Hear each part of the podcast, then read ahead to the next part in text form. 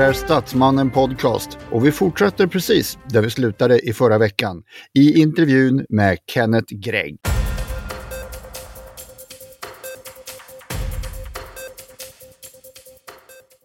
Ja, Kenneth, välkommen tillbaks till Statsmannen. Jag gör som så att jag lämnar direkt över rodret här till Kai Rämö. Så ska ni tala om korruptionen i Ukraina. Japp, eh, då är det så här Kenneth att eh, vi pratade i det förra avsnittet om eh, lite grann att eh, det finns tveksamheter till att ge västerländskt stöd till Ukraina. Och ett av, eh, en av anledningarna som anförs i USA framförallt men till viss del i Europa också, det är ju korruptionen i Ukraina. Och eh, den verkar ju vara väldigt eh, stor och omfattande. Så att eh, i EU och USA så är man ju orolig för den här korruptionen. Eh, hur är det med den saken egentligen? Eh, vi har stor korruption, det har vi, men vi har också eh, krafter som eh, motarbetar den väldigt, väldigt hårt. Om vi börjar med att när Janukovic var president, då kan man utan problem säga att 85 procent av statsbudgeten stals. Sen kom, Poroshenko, sen kom Poroshenko och då, då kan ju inte förändra någonting över en natt, men eh, stulna medel från budgeten sjönk till 60 procent. Nu ska vi se, Poroshenko, var det inte han som kallades för chokladkungen eller något sånt va? Ja då, ja då. Ja. Uh, han har en hel massa till vara kritisk över, men man ska också ge honom kredit till det som så det goda han har gjort, så det måste beaktas. Ja. Sen kom uh, Sen kom vår nuvarande president Zelensky och eh, jag skulle säga att nu är det inte mer än, en, max 35 procent av statsbudgeten som skäls. Men där har vi då en fristående organisation som kallas för NABO eh, som har egna åklagare, egna poliser, egna, egna detektiver. Och inte ens regering och president har makt över det. De har gjort ett otroligt arbete.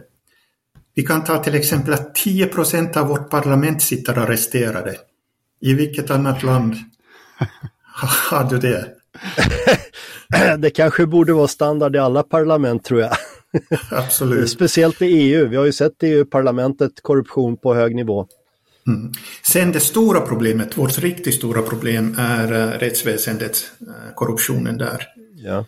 Och uh, domarna är ju också en egen stat i staten att uh, varken parlament eller president kan inverka på det. Så där måste då NABO mm, ha otroligt starka bevis innan det ens kan gå ja. att arrestera någon domare. Men de hittar ju 7 miljoner dollar kontant i Högsta domstolens utrymmen. Så... Eh, det, det, låter ju inte som en vanlig domarlön i Ukraina. Nej, absolut. Och det som är, är, är alltså väldigt farligt med, med den här korruptionen eh, med rättsväsendet, det är eh, jag har min eh, granne, han köpte en fabrik på en konkursauktion. Eller, den blev såld till, till en ägare som hade den fem år och sen efter det köpte han av den ägaren. Och sen säger lagstiftningen att du kan bara börja begära tillbaka någonting under en period av fem år. Eh, det ska vara helt omöjligt enligt lag och överhuvudtaget eh, ta upp ett sådant tillbaka eh, kravsmål. Så de hade betalt domarna 50 000 dollar så att de skulle ta upp det. Och min vän förlorade första instans. Och sen fick vi då när vi började titta lite mera på det fick vi reda på att okej, okay, det här är de har betalt domarna för att få ett sådant eh, utslag. Mm. Så jag kontaktade då eh, en väldigt högt uppsatt tjänsteman på antikorruption och eh, den här personen sa att vi är för kort tid. Det enda vad, kan, vad vi kan göra är att jag kan sända en man till de här domarna och säga att ni ger 10 000 dollar mera. Så, så skedde. Och Eh, för eh, vi skulle gå in till, till rättsförhandling så var då motparten, ja, vi, vi är väldigt starka i det här målet, att, att, men vi är beredda att, eh, att sälja det till er tillbaka. Så vi sa okej, okay, vi tar chansen och går in i rättssal. Och där kom då domen på att, att vi vann tack vare 10 000 dollar. Så här fungerar det. här är inte rätt. Nej. Det, här, det här gör att du får inga investerare hit. Det här Nej. måste åtgärdas.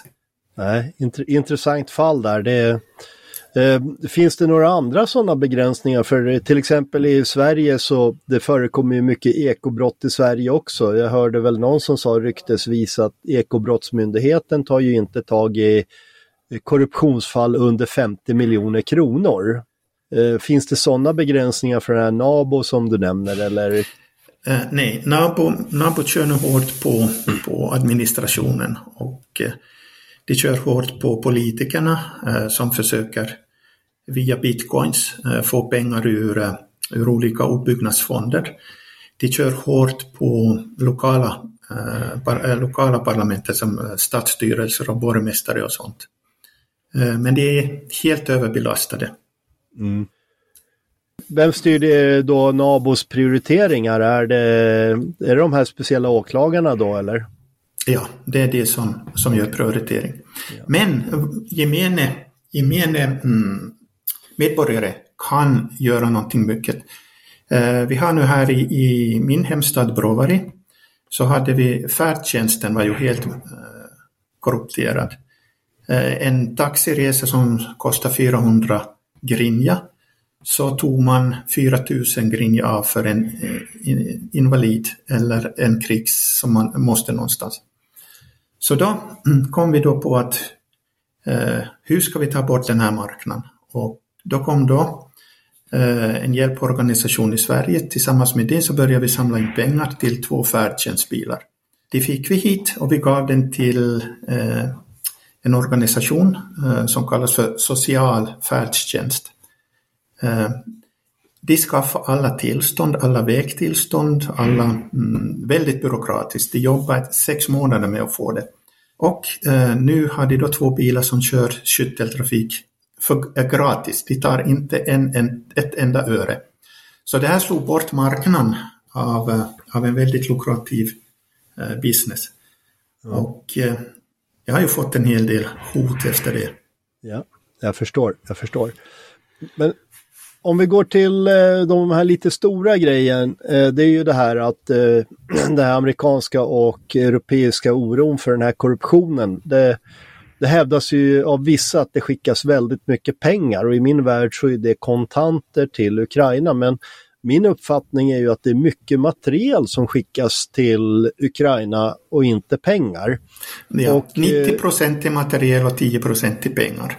Ja, och, och, jag kan ju inte tänka mig att det finns så stort civilt marknadsvärde för en Leopard utom möjligtvis sälja en till Ryssland för att de ska kunna reda ut dess svagheter. Men eh, smugglas det ut en massa militär materiel från Ukraina till Europa till exempel eller till andra konflikthärdar? Eh, inte vapen. Det kan jag säga med 99,9 procent säkerhet att eh, de stora vapnen det är, det är där de ska vara. Sen finns det ju förstås eh, marginal av eh, antal eh, k-pistar och handelsvapen. Kalashnikovs ammunition. Ja, det, det, det ser säkert, men inte, inte i någon organiserad form. Det gör det inte. Nej. Ja, men det, det känns ju betryggande för det här är ju en sån här oro som folk har att eh, kriminella på Stockholms gator eh, springer runt med en lås och skjuter mot polisbilar eller något sånt där. Det vill vi inte se, men det, det känner du trygg med att det funkar i alla fall. Ja, vi vet, vi vet, vi vet precis uh, vad vi har våra och hur mycket vi har i våra ändlavslager. Ja. Hur många uh, Carl Gustaf vi har. Det, det är koll på läget. Det är koll på det, det, ja. det garanterar jag. Ja, men om vi tar lite drönare då. Jag, jag tyckte jag såg någon uh, artikel i veckan här att uh, det var ju någon korruption inom militären där någon sålde vidare drönare istället för att det skulle användas i slagfältet. Uh, är det då beväpnade drönare som säljs vidare eller är det bara som civila drönare eller delar? Eller? Mm, nu ska vi ta, det kommer in väldigt mycket drönare från, som donationer, bland annat då från Sverige. Eh, de drönarna tas då till ett antal laboratorier som förser dem med ett nytt eh, software. Ja. De drönarna som kommer ända dit, de försvinner inte. Det, ja. det kommer. Sen är det det att, att mm, som vi gör, vi levererar direkt till frontlinjen. Direkt till det och vi får kvittering på, på det jag tagit emot och vi tar bilder och videon. Eh, sen är det förstås nu en, en stor efterfrågan på Marvik 3 som då kommer in på det här viset och det, det finns faktiskt, eh, det säljs faktiskt för stora pengar vidare. Yeah. Men det är just det som, som frivilliga, alltså volontärer tar in eller köper in och bara ger dem i Lviv eller ger dem till någon eh, mellanhand i, i Kiev. Eh, nio av tio försvinner den vägen. Jag förstår. Ja, och när vi kommer in på så här organisationer som stöttar eh, Ukraina så Lars Wilderäng, den berömda bloggaren med Cornucopia, han hänvisar ju till ett antal organisationer och jag antar att de är väldigt pålitliga för han och hans fru verkar ha koll på läget. Eh, stämmer det enligt dig? Eh, ja, vi har ju, som jag kan gå eh, garanterat i, i godo för, det är ju att skicka vidare till Ukraina. Sen har vi då, eh, som jag alltid kallar för, den ensamma vargen Jonas von Maten. Ja, Han har levererat otroliga mängder direkt till frontlinjerna. Ja, han kör pickuperna va, är det inte det? Ja då, ja då. jag tror ja. han har 45, 46 pickuper som korsar frontlinjerna dagligen. Oj. Mm. Ja, perfekt. Sen har det ju förstås Operation, Operation Aid som är mera koncentrerat på sjukvårdsmaterial och sånt. Sen har du förstås Ukraina Hjälp i Väst som är en mix av militärt och civilt understöd. Ja. Och sen har vi då, som jag nu understöder, eller vi, vi samlar väldigt mycket in i Håkan Pettersson. Så han och hans åtta grabbar Eh, de finansierar först själv eh, de åtta första drönarna. De går på 45 000 kronor. Oj. Eh, sen kom vi in med vår, eller in, in via min Facebook-plattform och vi har fått in pengar nu då till fyra nya. Och ja. då som är, mm, har utrustning med, med både bättre batteri och mörkerseende kameror. Ja. Och det som är väldigt intressant med Håkans system det är att Eh, tre drönare opereras från samma eh, styr, alltså pult. Okej, okay. intressant.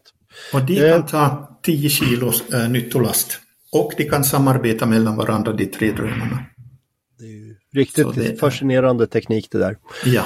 Eh, jag tänkte bara fråga en så här sista ja, okunskapsfråga från min sida. Eh, när vi pratar om ammunitionsbrist så är det ju alltid nästan artilleriammunition eller att man har för få robotar eller, eh, eller ammunition till de här geparderna som skjuter ner Shahed-drönare och så vidare. Men man ser också eh, filmer från fronten med strid i eh, skyttevärn och sånt där. Är det, är det även vanlig eldhandvapenammunition eh, bristvara eller finns det tillräckligt?